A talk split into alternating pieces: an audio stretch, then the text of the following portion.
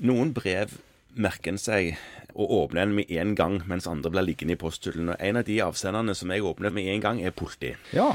Og jeg fikk et sånt brev fra politiet en gang hvor det sto angående den og den pasienten om vedkommende hadde vært inne og fått resept i løpet av de siste et eller annet antall månedene på et uh, vanedannende preparat, et eller annet sånt. Uten noe begrunnelse fra politiet. Ja. Så Cato, jeg kan ikke svare på det, kan jeg det? Sånn helt uten videre? Vi kan jo starte med å si at det er lov til å prøve seg. Ikke sant? Eh, Det var det jeg følte på. Litt Ja, sånn uh, og- Nå prøver vi det. Noen prøver seg, også politiet. eh, Og advokater. og advokater. Og mange andre prøver seg også. Ja. Eh, sånn at eh, man må tenke på utgangspunktet at man har taushetsplikt. Ja. Så man kan ikke opplyse om dette.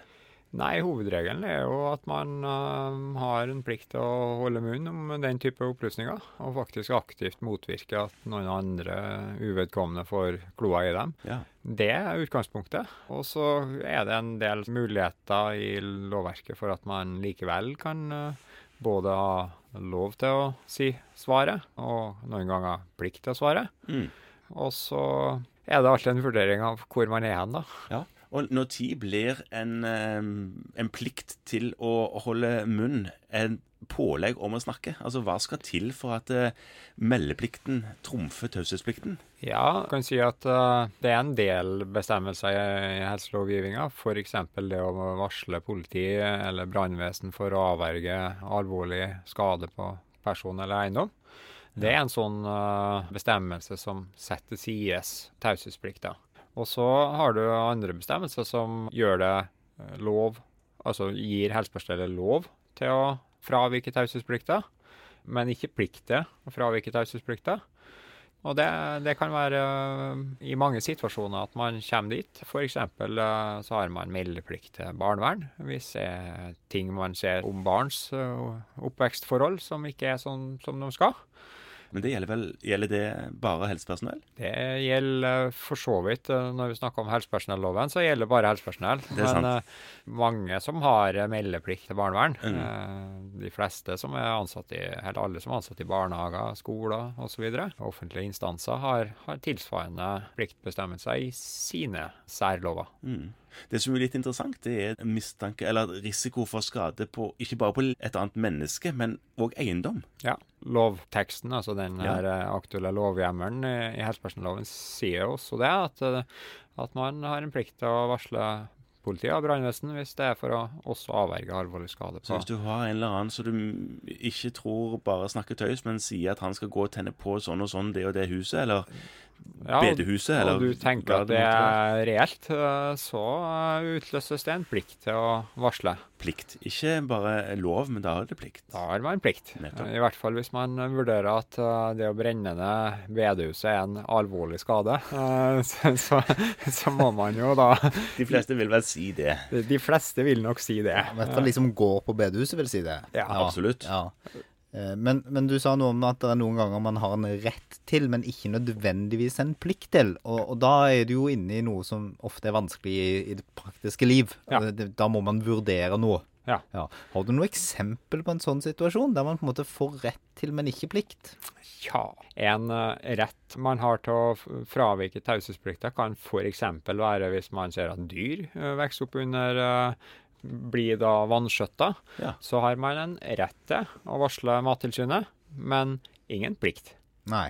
Og um, så har man lov til å anonymisere og bruke taushetsbelagt informasjon, så lenge man da fjerner gjenkjennbart at det ikke går an å koble tilbake til en enkeltperson. Mm. Da har man, det har man lov til.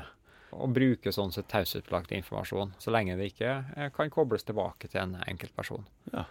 Så, så er det en annen problemstilling som mange sikkert lurer på, og det er hvis man tenker at det kan bli begått lovbrudd Ja. uten at det nødvendig Altså, det er av og til vanskelig å finne ut hvor stor skade på annen persons eiendom eller egen helse eh, Ja. det er snakk om, men at det allikevel foregår kriminalitet. Ja, nå skal jo vi som er helsepersonell først og fremst ikke drive politiarbeid. Ja. Men noen ganger så er det vanskelig å vite om man er kommet over i plikta. Eh, eller Så hvis du har en, en av de lokale langerne Ja. som innrømmer at han selger hasj på ungdomsskolen, Ja. Er en vanskelig problemstilling som jeg helt sikkert ikke er i stand til å svare på. Men, men jeg kan jo si litt om de avveielsene man må gjøre. Sånn Hvis jeg skulle tippa, så, så, tror jeg nok det ikke er innenfor plikten til å avverge en alvorlig helsefare.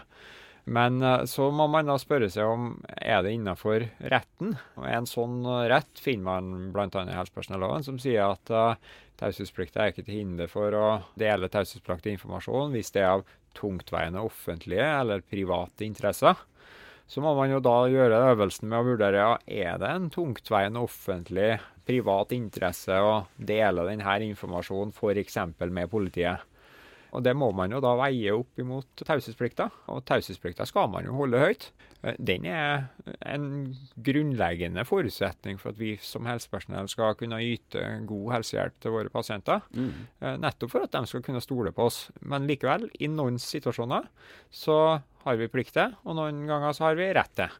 Og har vi plikt, ja da er det ikke noe særlig spørsmål. Men er det rett, så er det en avveielse vi sjøl må gjøre der og da. og så alle som har hørt meg snakke, vet jo at jeg da sier og så må du dokumentere hvilke avgjørelser du gjorde. Ja, nettopp. For det, det, det sitter jeg og tenker på. At når du da er i et sånt dilemma hvor det ikke er noen fasit, og en annen lege kanskje hadde kommet til en annen konklusjon enn deg, så er det viktig at du skriver hva du tenker, ja. sånn at det er mulig å spole tilbake og se hva det var du baserte deg på når du tok den avgjørelsen du gjorde. Ja.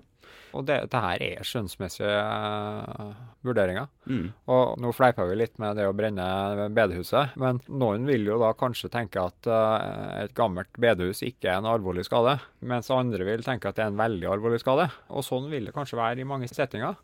Uavhengig, altså Hvis man da tenker litt fritt på hva skade kan være, så er, har man ingen fasit. Man må rett og slett bruke igjen tilbake til sunn fornuft tenke seg godt om, og ikke minst dokumentere det man har nettopp, tenkt. Nettopp.